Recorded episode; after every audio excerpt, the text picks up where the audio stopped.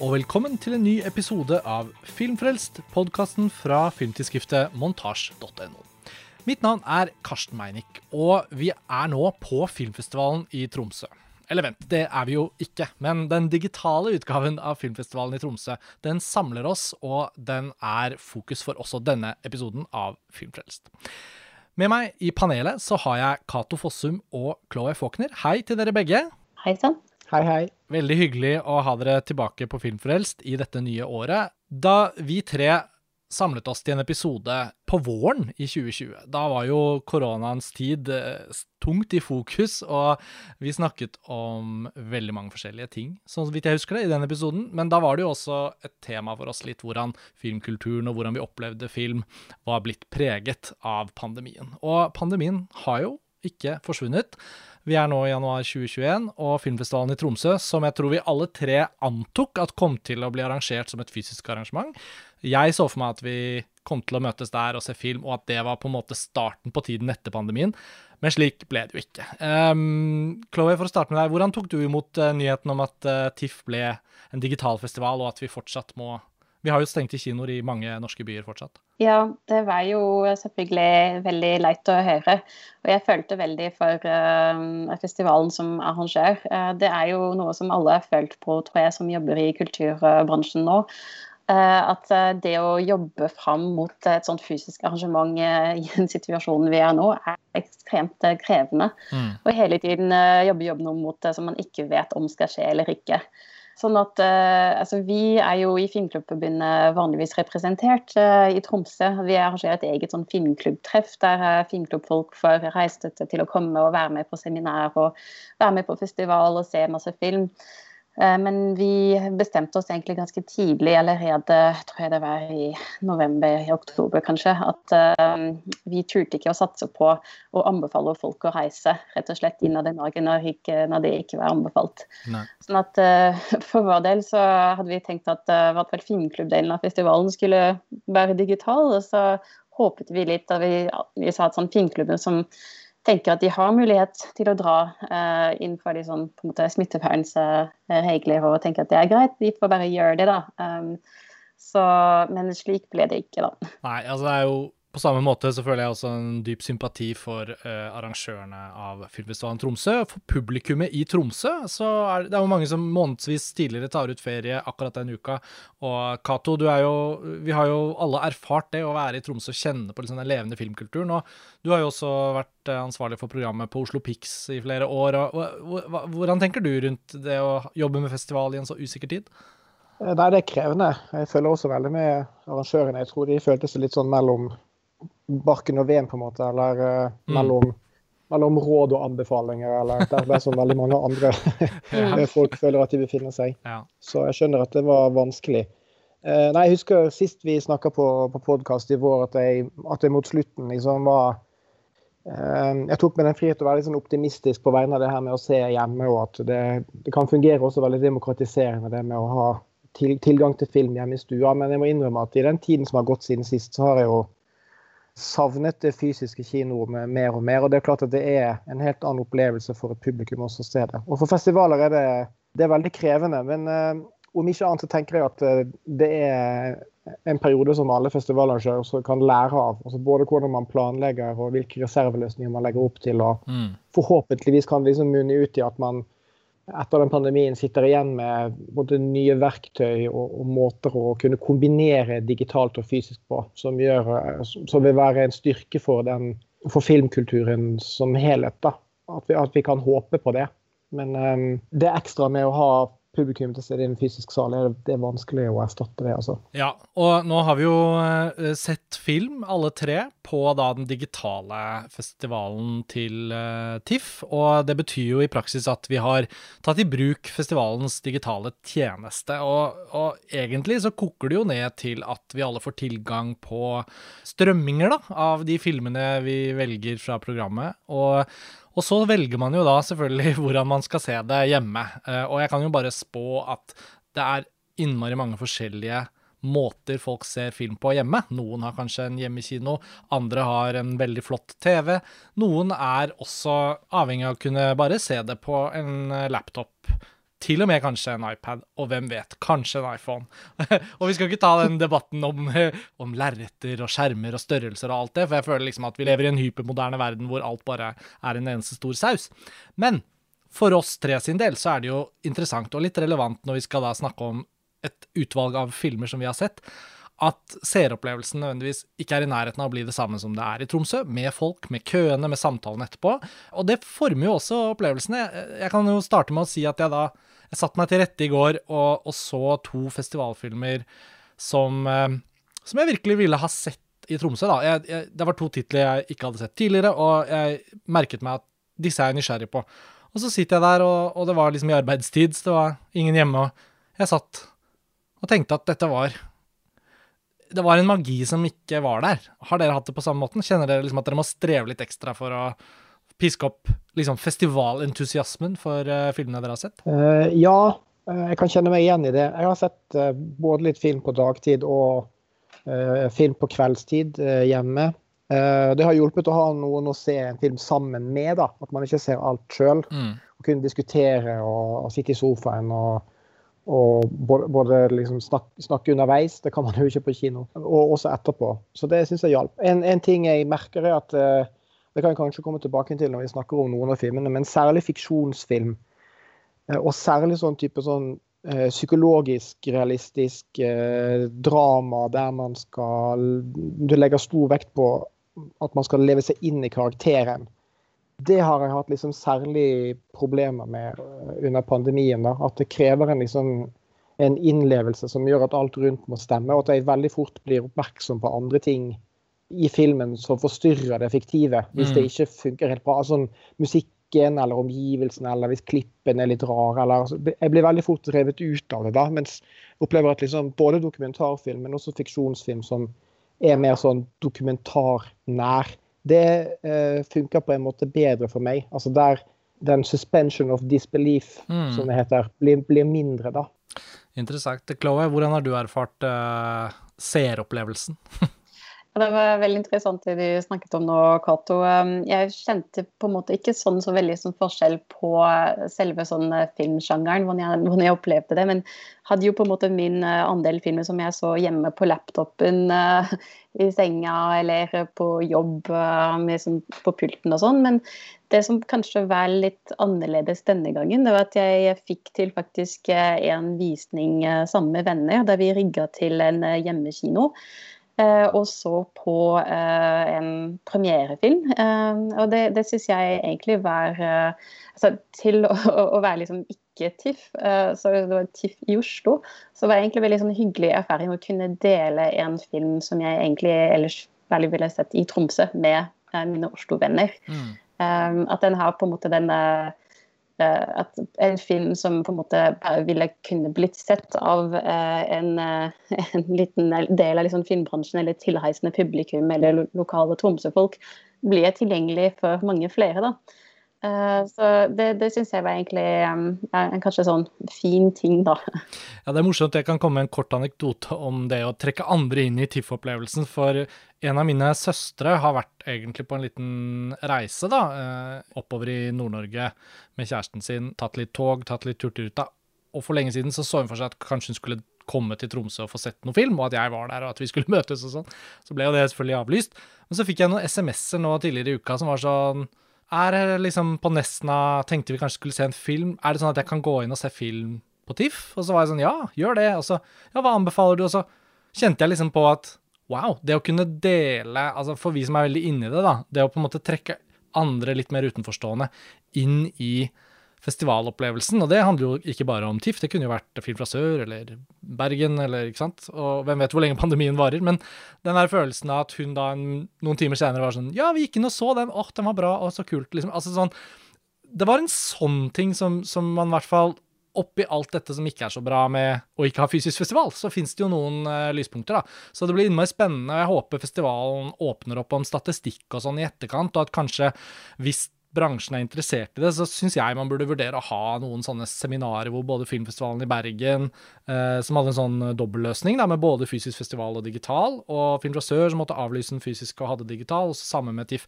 Altså at man har noen erfaringsutvekslinger nå i etterkant av alt dette. Um, nå skal vi snart snakke om filmene, men jeg bare syns det var relevant å trekke inn hvordan vi egentlig har sett film på TIFF, da. Men hvilke filmer skal vi da snakke om? Vi har sett litt forskjellig. Og jeg vet ikke helt om det er noe logisk sted å begynne, så jeg tror jeg bare slenger ut en, en tittel. Cato, uh, både du og jeg har sett uh, Rocks. Ja. Syns du det kunne være en uh, ålreit film å starte med? Det er jo en britisk film. Uh, Forsto jeg deg rett med at du hadde sett den tidligere? Jeg har sett den tidligere, så jeg har ikke den sånn uh, helt present. Men jeg kan godt uh, Jeg kan i hvert fall begynne med å si at det er en film jeg, jeg liker, og, og, som jeg anbefaler veldig å se. Ja. Og som jeg også har forstått at mu muligens får en vei inn til, til norsk kino senere, på, på, en eller annen måte. Ja, det hadde jo vært gledelig, syns jeg, i tilfelle. Dette er en ny film fra den britiske regissøren Sarah Gavron. Uh, for noen år siden så ble jeg veldig positivt overrasket over en litt mer sånn mainstream historisk film hun hadde laget om kampen for kvinners stemmerett, Suffragette, med Carrie Mulligan og Meryl Streep. Og, eh, og tidligere så har hun også adaptert en sånn ikonisk bok, Brick Lane, eh, til film. Den har jeg riktignok ikke sett. Mens denne Rocks er jo da en kontemporær film om ungdommer da, i London, særlig hovedpersonen, som, som er tittelfiguren. Hun heter Rocks, det er hennes kallenavn. Uh, og hun uh, har en lillebror som hun ender opp med å ta hånd om. Uh, etter at moren plutselig legger igjen en lapp og sier at hun må ta seg en pause. Og det er jo ganske dramatisk for en Ja, hvor gammel er hun? 14-15? kanskje yngre. Mm. Um, og filmen minner litt om Celine Siammas 'Girlhood'. En ting er jo at det portretterer sort europeisk ungdom som uh, kanskje har immigrantforeldre, og som prøver å uh, få til en form for balanse mellom sitt naturlige, tilforlatelige liv i det samfunnet de er født i, uh, med foreldrenes tradisjoner og arv. Og utover det så tenker jeg at Siamas og Gabrons film tar litt sånn forskjellige veier. Da. De er ikke så like, men det var umulig å ikke tenke på hvordan de filmene begge tar på seg en veldig sånn berømmelig oppgave da, med å bli miljø, eller gjøre miljøskildringer av mennesker i samfunnene våre som altfor sjelden er representert på, på, kino. Men samtidig så er det jo da en skikkelig coming of age-fortelling også, da. Så det er alt i alt syns jeg dette var en skikkelig bra film. Uh, den har noen svakheter, men, men jeg, jeg, var veldig glad for å ha sett den, og det føltes som en sånn skikkelig TIFF-opplevelse. Ja, den fungerer veldig godt som det den er. Altså, det er en utrolig god eh, rolleprestasjon uh, fra hun som, som spiller Rocks. Altså, det, det, er jo en av de type filmene som man kan kanskje henge merkelappen hybrid på. Sant? At de befinner seg et sted mellom fiksjon og virkelighet, og at alle som er med, er castet fordi de skal spille utgaver av seg sjøl. Og det resulterer i en sånn eh, ja, veldig sånn naturalistisk filmspråk der dialog og omgivelser og omgangstone og forløp i scener og handling, altså alt føles veldig eh, nærme bakken, da. Og, og, og, det er på en måte det filmen gjør best. Og så klarer den også å lage en sånn Eh, dramatisk bue og virkelig vise at noe står på spill for karakteren. Men det er først og fremst denne ja, skildringen av et miljø og følelsen av å ta del i noe, som den, eh, som den, gjør veldig bra. Uten at du trenger å hoppe over veldig mange sånne hindre med at den har et, et, helt bestemt dramatisk forløp som blir viktigere enn karakterene. da. Ja, jeg er enig. Og det er jo da paradoksalt nok sånn at alle de miljøskildringene og skuespillernes helt naturlige væremåte, i den grad de nesten er seg selv, så er det jo da svakheten i filmen. Det er jo når man føler at det er en mer konvensjonell dramaturgi som på en måte mm. tres over uh, det litt sånn uregjerlige miljøet den handler om. da. Jeg syns ikke det ødelegger filmen i det hele tatt, og jeg syns den tok seg veldig opp i de siste 20 minuttene. Men det er et parti på midten her hvor jeg tenker sånn OK, nå Denne filmen har jeg sett før. Men alt i alt veldig bra. og en skikkelig sånn film som jeg tenker at hadde virkelig fortjent ekte distribusjon. Altså at den kom på kino, at det står om den i avisene, og at den vises, og kanskje til og med tenker jeg dette ville vært et utmerket tilfelle for Den kulturelle skolesekken. Og det er kanskje litt sånn klisjéfullt å si, men det er nå engang sånn at hvis du viser film som handler om uh, ungdommer uh, på den måten som denne gjør, så ser man seg selv uansett hvilket land man er fra. Og jeg har vært en del rundt i skolesekken med f.eks. en norsk film da, som uh, Hva vil folk si? Og bare det å se ungdommer gå bort til Iram Haq etterpå og, med tårer i øynene og føle seg sett. da. Det er utrolig sterke øyeblikk. Og, og mye film egner seg ikke for den typen formidling, men, men dette er et sånt eksempel på, på, en film som jeg tror vil egne seg veldig bra. Ja, men det er veldig enig. Så den er en anbefaling, og den vil sikkert være mulig å få tak i og få sett for publikum også etter festivalen. Um, Chloé, har du noen film på, på, hjertet som du har lyst til å få sagt noen ord om? Uh, ja, jeg kan uh, nevne den uh, greske filmen Winona. Eh, av um, den eh, regissøren som heter eh, Alexander Vulgaris, også kalt The Boy. Ja, Det var den andre filmen jeg så i går, så det passet bra. Ja, jeg er spent på å høre hva de syns. Um, det var jo en film som jeg var litt nysgjerrig på etter å ha lest en artikkel av Alexander Huser om den greske, nye greske filmproduksjonen.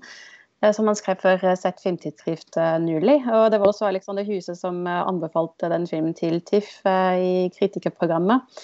Der Ja, tanken var jo at dette er jo da en nyere gresk film. Litt sånn Beveger seg i litt andre baner enn kanskje det vi er vant med. Eh, som kanskje bare kjenner til eh, Jagos Lantimos. Eh, altså at det kan være litt et eksempel på litt sånn gresk film er ikke på en måte i gåstein rare greier. Litt sånn absurd, svært komisk osv. Så, um, så jeg var liksom nysgjerrig. OK. Um, den er skutt på 16 mm. Den er veldig sånn, fin å se på. Den, den, handler om da en gjeng med fire kvinner som er alene på en vakker og øde strand. Uh, gjennom en hel dag. De leker, de synger, de um, går inn og ut av vannet forteller hverandre historier. Um, og så er det sånn, en litt sånn uh, ulmende og mystisk stemning. Um, fordi vi skjønner egentlig ikke helt hvorfor de er der, hvorfor de er alene.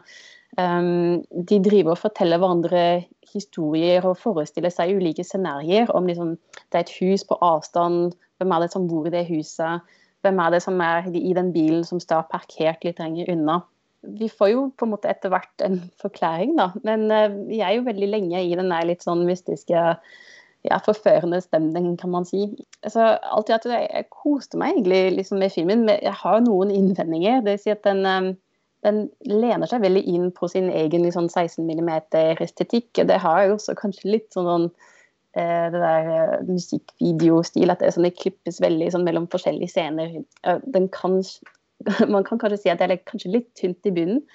Men samtidig så er det noe liksom Den bygger seg sakte, men sikkert opp mot noe eh, som vi ikke vet hva er, da. Og så er jo da filmskaperen veldig glad i sine skuespillere. Altså, det er jo veldig vakre damer som for det meste De er jo ofte veldig lettkledde eller ikke har så veldig mye klær på. Og man han har kanskje en tendens til å sånn dvele litt ved deres lepper og ved, ved deres hofter, som jeg sånn, lurer på om er liksom strengt nødvendig. Så jeg, jeg, vet ikke på en måte, det, er jo kanskje en sånn form for sånn selvbevissthet der, men jeg vet ikke hvor gjennomført det var. Men alt i alt så må jeg si bare jeg likte den, da. Uh, og til å være en film som for det meste av sin sånn running time er ganske åpen, uh, så har den likevel en sånn ganske sånn ryddig avslutning. Mm. uh, som kom litt bardus på meg, men som allikevel uh, jeg syns egentlig funka. Og sånn, var egentlig ganske rørende. Ja, men Chloe, Det er veldig spennende å høre deg beskrive hvordan du opplevde den filmen. fordi jeg må jo si meg enig i veldig mye av det du fremmer her. Og, og jeg tror kanskje at det viktigste for meg å formidle var Altså, dette var jo filmen som reflekterer og gjenskaper sånn ekte filmfestivalopplevelse for meg. Jeg, jeg, jeg, trenger egentlig ikke like den så godt, eller hate den så mye, eller på en måte Det, det er en av de filmene hvor man etter noen få minutter, i hvert fall hvis man ser den på en festival i utlandet og kanskje ikke har hørt noe buzz om den ennå, så tenker man jo bare OK, det er kanskje bare her jeg skal se denne filmen, og nå hengi meg til opplevelsen. Og jeg prøvde virkelig å hengi meg til den i går, for jeg merket jo raskt hva var hva som var greia. Uh, og det er jo akkurat som du beskriver, og det er fint å ikke liksom, avsløre for mye heller, og bare si det som det er. at vi er på en strand, det er noen greske jenter, og de er i bikini, og kameraet elsker dem. Og, og etter hvert som filmen liksom bare varer og varer, så skjønner man at å ja, så det er egentlig bare det her vi skal gjøre til et visst punkt, da. Og i det så hadde jeg veldig glede av den. Og det skal jo også sies at dette er jo en filmnerdefilm. rollefigurene, Mm. sånn som man opplever dem i starten av filmen, virker jo å være veldig filminteresserte. Eh, Det kommer et slags høydepunkt der hvor de, hvor de tar en veldig berømt filmskaper og begynner å liksom spille en lek med alle filmene eh, han har laget, og, og det er liksom, uten å avsløre, for det syns jeg var en morsom, uventet hendelse, men, uh, og, og, og, navnene deres, ikke sant, de heter, hva er det, Mer Mm. Meryl og Eh, ja, de eh, jeg husker ikke alle, men det, det, det er noe sånn veldig meta, da. Som man plukker opp ganske tidlig. Og alt i alt hadde jeg veldig glede av den. Og jeg, jeg, jeg fikk også anbefalingen fra Alexander Huser, som du nevnte. Og han har jo vært gjest på podkasten tidligere, og, og er en av de norske kritikerne som jeg opplever har vært veldig god til å dra på Tessaloniki filmfestival, av alle ting. Så jeg har en følelse av at når han anbefaler noe gresk, da tenker jeg at man skal lytte. Så jeg er glad jeg så den, eh, selv om det ikke var noe sånn storverk. Ja, nei, jeg er enig med deg. Altså, jeg vil ikke si at det er en stor film, men uh, det er en film som byr på en opplevelse uh, som man kan være i mens det værer. Og som uh, kanskje i en viss grad, hvis man vil tolke den som en Altså, man kan tolke de, de fleste filmene på den måten. Altså en film om film, da. En film om, om forestillinger, om uh, det å, å, fortelle seg selv en historie. og liksom, den, den, har på en måte kanskje, Man kan si at den har liksom flere lag på det, på det vis, da, men uh, Mm. samtidig som den helt til slutt på en måte kommer med, veldig, med en veldig sånn tydelig forklaring på hvorfor det er der. Som jeg syns egentlig kunne altså, Den kunne egentlig bare litt sånn lent seg inn på sin litt sånn artsy sin egen sånn artsy stil. Ja. Uh, og bare liksom lot det være sånn ambivalent og åpen, men det gjorde det ikke. Og det var egentlig på en måte litt forfriskende òg, da. Ja, utrolig nok så ble det faktisk det. Ettersom jeg også tenkte at hvis den bare er sånn som dette, så er jo det også greit. Mm, ja. Da var jeg i festivalmodus, på en måte. Men det er jo det som er så fascinerende, altså, som du sier, uh, en film om film. altså jeg føler det er sånn, eh, Når man velger fra festivalmenyer, så, så er det jo ofte litt sånn forskjellig representasjon. Altså, å, det er en sånn type film der, og den er fra Hellas, og så, sånn som vi snakket om den britiske filmen som har liksom en veldig sånn tydelig sånn sosial bevissthet. Og Cato, du har jo sett en russisk film eh, i programmet som også har en litt sånn sosial dimensjon. Eh, den har ikke jeg sett. Er det Scarecrow den heter? Ja, det stemmer. Ja, den var vel eh, opprinnelig valgt ut til, eh, til konkurranseprogrammet i, i festivalen.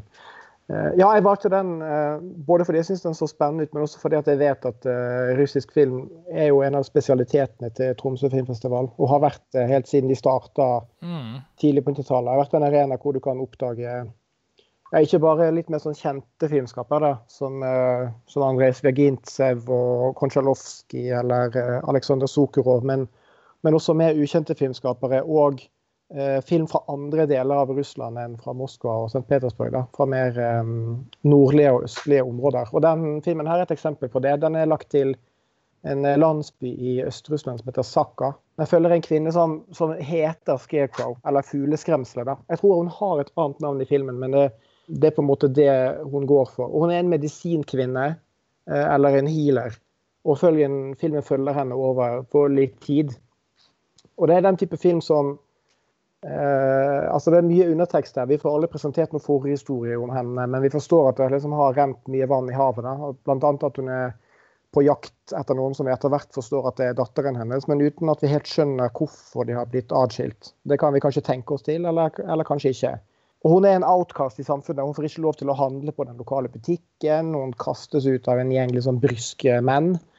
Men vi ser også at hun får mat og ved og brensel, og ikke minst eh, ganske mye vodka levert på døra av folk som, som tidligere har fått hjelp fra henne. Da. Så det er en sånn film som på en måte ja, den skildrer et helt veldig spesifikt miljø. Eh, der flere nok også spiller litt sånn utgaver av seg sjøl, eller som nok ikke bare har profesjonelle skuespillere. Eh, men den har også en litt sånn klassisk tematikk i, i nyere avtalsfilm, med at den skildrer folk i et samfunn der eh, sosiale sikkerhetsnettverk har enten falt bort eller er ødelagt pga. korrupsjon og nepotisme. Og, og med det resultatet at de som havner utenfor, som, som hovedpersonen, fanner seg i sånne onde, nedadgående spiraler av ukloke valg og, og konsekvensene av de valgene. Det er veldig lett å tenke på sånn som Darden, de belgiske Darden-brødrene. Å skildre de marginaliserte. Eh, gjerne med et mål om å skape empati eller raseri på deres vegne. Og Den filmen her er kanskje litt mer tvetydig.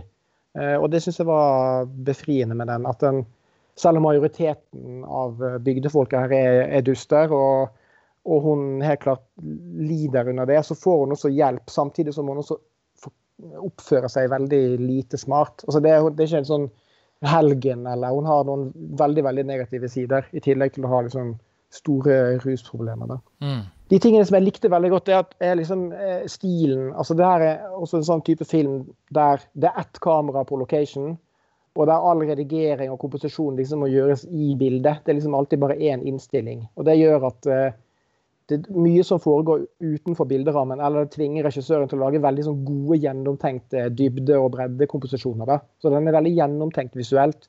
For er det en scene der hovedpersonen utsettes for ganske grov vold.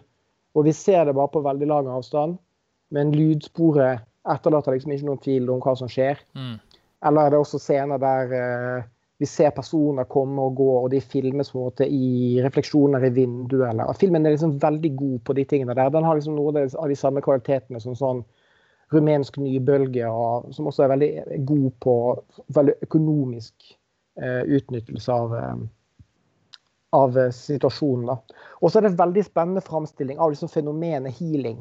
Altså, det er liksom ikke uttalt i filmen om man er fra et urfolk eller ikke, men det ligger på en måte noen sånne her, eh, tråder under om at det er en liksom form for sjamanisme. At det hun prøver å få til med, med, å hjelpe folk, da, som filmen viser en god del scener sånn, eh, Hun er jordmor og prøver å kurere stamming hos en skolegutt og masse forskjellig. Så er det liksom både veldig helende, men også selvdestruktivt for henne. Mm. Og det er hun som ender opp med på en måte, å bli en sånn slags avfallsbøtte for, for problemene i resten av samfunnet. da. Eh, etter hvert også på en ganske sånn fysisk måte. Det var en, eh, det var en skikkelig eh, engasjerende og, og, til dels veldig spennende film, ja. som har fått til veldig mye på kort spilletid. Hvis den dukker opp et sted, så vil jeg veldig anbefale den. Altså. Ja, Det høres jo veldig bra ut. Jeg, jeg må bare si meg veldig enig i hvor gode TIFF er til å finne russisk film som er litt utenfor de mest kjente festivalfilmene og tørne, som du nevnte innledningsvis. Og jeg tenker, av, av, det vi har sett til nå Jeg har jo også sett noe film fra før av som er programmert inn på festivalen, og noen av de tingene som jeg gleder meg til å se, har jo da ikke blitt en del av det digitale programmet. Og det er jo litt trist også at årets utgave er jo også skalert ned ganske mange hakk, da. Både i forkant av festivalen og ikke minst etter at det kun ble et digitalt tilbud. Men selv innunder det digitale tilbudet så har det vært veldig stor bredde, da. Så jeg må jo bare berømme, berømme festivalledelsen for det å finne de filmene som kan nettopp representere en TIFF-stil i programmeringen, også i år. Um, Dokumentarfilm har jo stått også sentralt på TIFF tidligere, og jeg tenker jeg er veldig nysgjerrig på den eh, American Dharma.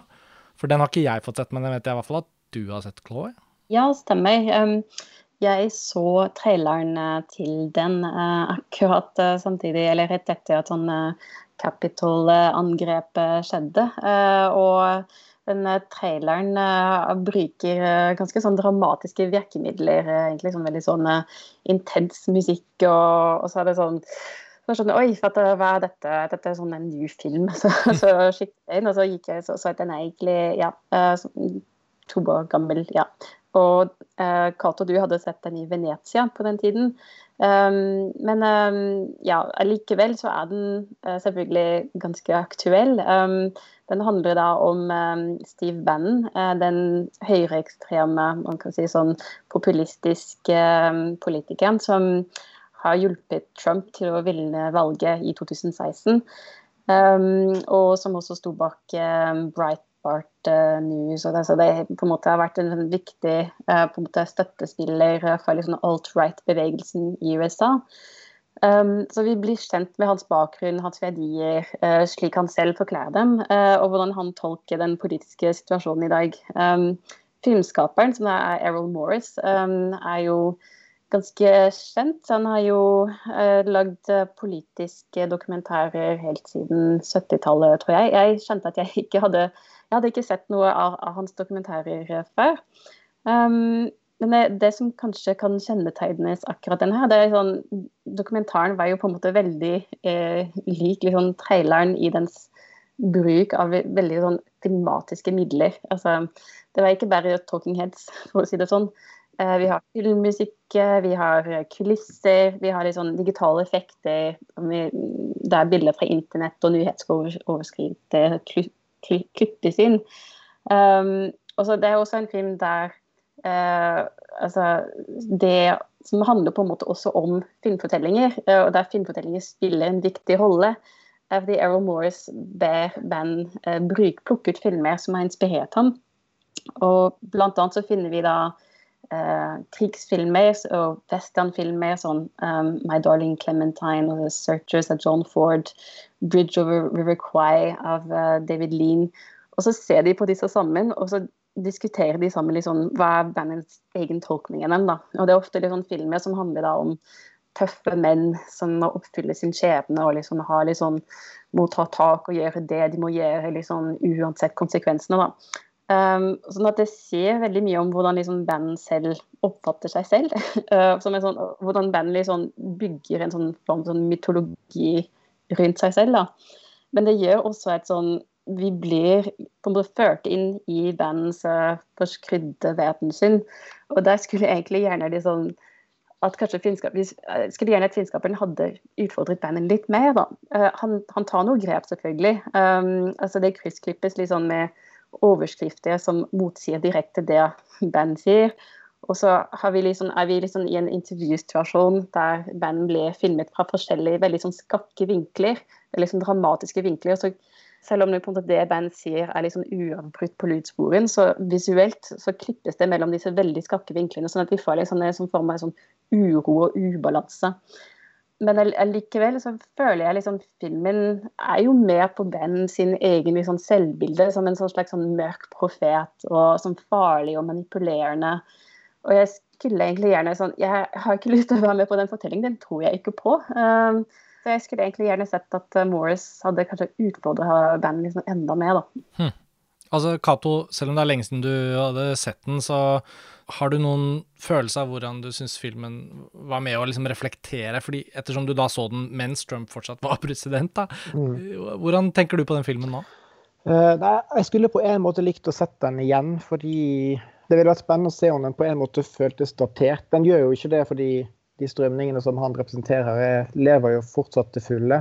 Men uh, ja, jeg husker ikke så godt akkurat hvordan jeg syns det reflekterte tilbake på Trumps presidentskap. Og det syns jeg liksom kanskje er noe problem med filmen. Jeg, jeg, satt med en følelse etter at jeg hadde sett den, at jeg tenker kanskje at Aaron Morris kanskje var feil person til å gjøre filmen eller intervjuet. Mm. At uh, det er noe med uh, perspektivet han har som en liksom etablert filmskaper fra middelklassen, som har liksom en sånn innarbeida form for filmene sine, der han tidligere også har gjort så veldig intervjubaserte filmer. F.eks. den 'Fog of War' med Robert McNamara er vel kanskje den mest kjente, tror jeg. Mm, ja, den har jeg sett, og den husker jeg gjorde ganske inntrykk. Ja, absolutt. Mens denne føltes liksom Det, det er et eller annet sånn uforpliktende lek med også de filmreferansene som du er inne på, Chloé, som gir en følelse av at liksom, jeg tror ikke filmen har tenkt godt igjen, nok igjennom hvem den egentlig representerer. At det liksom føles ikke som det står noe på spill Eh, for Morris. At han tenker at liksom, ja, bandet er litt sånn demagog, men jeg skal heller liksom nedlate meg til å ha en samtale med han om film. og Dette kan jo være litt artig, og, og prøve liksom å avsløre han på et sånt retorisk nivå. da. Men hva om liksom Spike Lee eller Ava Duvernay eller Boots Riley eller noen svarte filmskapere eller noen med et helt annet utsyn hadde fått laget filmen? da? For jeg føler at liksom Morris uansett hvordan dette vil gå, vil på en måte slippe unna Eh, de farlige konsekvensene av, av, av eh, bandet sin retorikk. Da. Det er på en måte ikke han som befinner seg i skuddlinjen for, for den politikken han står for. Mm. Så det er et eller annet der som er sånn Jeg, jeg må ta forbehold om at uh, filmen inngår jo i et større program på festivalen som handler om nettopp disse problemstillingene. Og jeg vet jo at Thomas Seltzer, som har laget en uh, TV-serie om USA, mm. uh, skulle introdusere filmen. Så det kan godt være at den, nettopp disse sidene ved filmen ble problematisert også i festivalens presentasjon av den. Men jeg syns at uh, ja, det, det, er et eller annet sånn veldig problematisk med utsynspunktet i denne filmen. Og nå skal man selvfølgelig ikke anklage en film for å ikke være noe annet enn det den er. Det finnes jo veldig mange andre filmer man også kan lage om høyreekstreme i USA, så Errol Morris har liksom ikke eneansvaret. Men nei, det her fant jeg liksom ikke helt ut av, også. Fokus på Amerika i et sideprogram som ble redusert fordi flere av de filmene ikke kunne vises digitalt. Det har med rettighetsproblematikk å gjøre, og en av filmene som da ikke ble vist på TIFF i år fordi den fysiske utgaven ble avlyst, det er et veldig sterkt lite drama, 'Never Rarely, Sometimes Always', som ble vist på filmfestivalen i Berlin i fjor, og som nå eh, ligger an til å være en favoritt til å bli nominert i Oscar i flere kategorier, eh, regissert av Eliza Hitman. Og den filmen er jo ikke en del av festivalen lenger, så det, det er ikke meningen å trekke den inn, men eh, men det er jo en, en, film som da, apropos det å belyse Amerika fra forskjellige perspektiver, da, som, som, ville kunne, samlet med de andre filmene i det programmet, være med å skape et veldig interessant kontemporært bilde gjennom filmer da, av, uh, av et Amerika i en krise, tross alt. Både på individplan og på et større plan. Så får vi se om Joe Biden, som nå akkurat har uh, tatt eden som president når vi tar opp denne episoden, uh, om han kan bringe folk sammen igjen. Eh, men det er et stort spørsmål.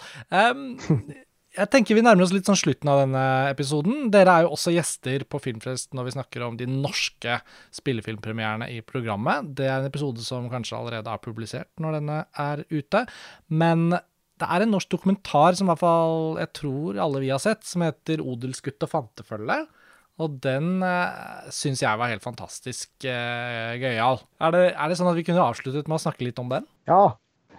Cato, uh, bare veldig kort, da. Hva, hva, slags film er dette? Det er en film som handler om et kunstverk og mottakelsen av det. Altså, det er et uh, eksperimentelt eller sånn alternativt arkitekturfirma der en av deltakerne er årets, eller fjorårets festspillutstiller, da, Joar Bål Nango. Mm som eh, drar til Kvam i Gudbrandsdalen for å eh, installere et kunstverk som er en sånn slags blanding av kunst og arkeologi og antropologi, egentlig. Og det er Vi får både fortalt i retrospektiv hvordan de kommer, og hva kunstverket består av, som er en møkkaspreder som de henter fra fyllinga, og en staur og en kampestein som de surrer fast i hverandre, og så plasserer de den liksom mer eller mindre midt i bygda. Og det skaper så sterk motstand Eh, om enn ikke fra alle, da, at kunstverket blir demontert. Og Der kunne jo på en måte filmen ha sluttet, men denne filmen begynner jo her. Mm. Eh, fordi det etableres også et flertall i kommunestyret om at kunstnerne skal få sjansen både til å fullføre verket, som liksom ikke er ferdig, men også overbevise skeptikerne om hvorfor det har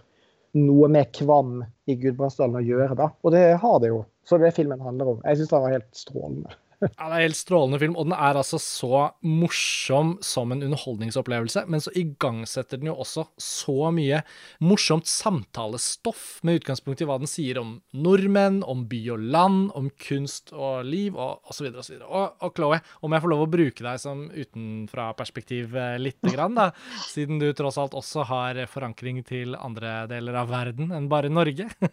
Hva, hva, hva, tenker du om denne situasjonen i denne filmen? Ja, um, altså jeg kunne ikke la være å tenke sånn Herregud, sånn, uh, sånn, offentlig kunst i Norge kan jo tydeligvis være ganske håpløst, da. uh, altså, men uh, altså, hvis man skal på en måte trekke inn det utenfra perspektivet. Men ellers så Ja, det, er, jo, det er jo, kjempemorsomt. Um, særlig etter altså i kjølvannet av å sette en film som Grit, som også uh, i stor grad setter spørsmål til måte, sånn, hva kunst er, og uh, hvordan man får på en måte uttrykk for sånn kunstneriske, kreative impulser i forskjellige settinger med eller uten støtte fra Kulturrådet osv. For her er jo det litt sånn møte da, mellom disse sånn Oslo-folk som eh, bruker sånne mm, rare sånne eh, presse, pressemelding, sånn eh, språk fra en sånn kunstutstilling som positiv, fremoverlent energi. Eh, snakker om det undersøkende, det temporære og litt sånn Uh, ja, altså i møte med sånn, et helt annet sånn, syn på kunst, da, ja. som folk i Kvam har og som sier sånn Nei, men hvis dette er kunst, så må vi ha en ny definisjon på hva kunst er. Ja. uh, og de har jo på en måte rett på hver sin måte. Altså, det, kunst er også liksom, det er lov å, å, like kunst som er sånn ikke abstrakt og helt dekorativt. Altså, så Ja, altså filmen blir jo nesten et slags sånn destillat av den ursamtalen om hva det er vi forventer av kunst, hva kunst gjør med oss, hvilke refleksjoner som oppstår når man innser at et annet menneske ikke ser kunstverket på samme måte som deg. Og Merete Offerdal Tveit, som har regissert denne filmen, har jo virkelig også bidratt. Altså Det er noe med at filmen i seg selv er med å heve kunstverket og selve samtalen rundt kunstverket til enda et nivå, da. Det er så herlig sånn symbiose mellom hendelsen, dokumentaristen, dokumentarfilmen, som liksom er blitt eh, resultatet, osv. Denne, denne ble jo vist på filmfestivalen i Bergen i høst, og jeg tror den vant prisen for beste norske dokumentar. Og man ser jo bare for, for seg hvordan, hvordan, det kan spre latter og glede rundt i de tusen hjem, når den etter hvert sikkert skal vises på TV og sånn. Den er jo 50 minutter lang, så den er jo ikke en sånn typisk sånn kinofilmlengde, men jeg er veldig glad for at TIFF også har programmert den. Og som du sier, den reflekterer også over på Gritt eh, til Tonje Søymer Guttormsen, som dere snakker om i detalj i den andre episoden. Um, så nei, jeg måtte bare Ja, jeg bejubler denne filmen virkelig, og jeg, jeg tror den kommer til å være en sånn nøkkelfilm i akkurat denne uh, typen sånn debatt i Norge, da. Ja, for den har, den har jo veldig mye undertekst eh, også, da. Eh, den, selv om det ikke blir nevnt eksplisitt, så spiller det jo også an til en større debatt som jeg tror kommer til å bli viktigere i årene som kommer, da, nemlig hvorfor det offentlige egentlig skal finansiere kunst, og hva som er liksom premisset for den, hvordan den kunsten blir tatt imot. da. Ja. At uh, det er liksom ikke nok med ytringsfrihet som blir brukt som et argument begge veier, og, eller heller ikke med sånn bransjebygging, at liksom kunstnerrollen står svakt, og vi må støtte kunstnere for de må ha noe å leve av. og sånt. Jeg tror det den filmen viser, er liksom at desentralisering, å få kunsten liksom ut andre steder i landet, og, og, det å få til et lokalt engasjement og en samtale rundt kunsten, det er det som kommer til å gjøre at offentlig finansiering av kunst og kultur og film for den saks skyld i framtida blir viktig. da. Og det peker filmen på, ja. uten å si det med utestemme. da, Og det syns jeg er utrolig kult.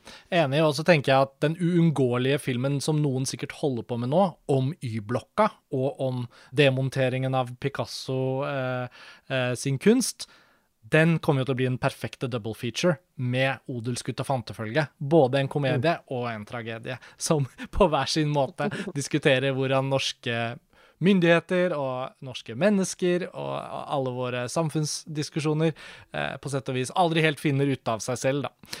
Cato og Chloé, tusen takk for at dere var med på Filmfrelst igjen, og det er en glede å ha dere i panelet. Og jeg håper vi kan få laget flere episoder nå utover senvinteren og våren. Yes. Nei, men takk i like måte, og takk for at du fikk være med. Jo, tusen takk. Det var gøy. Ha det.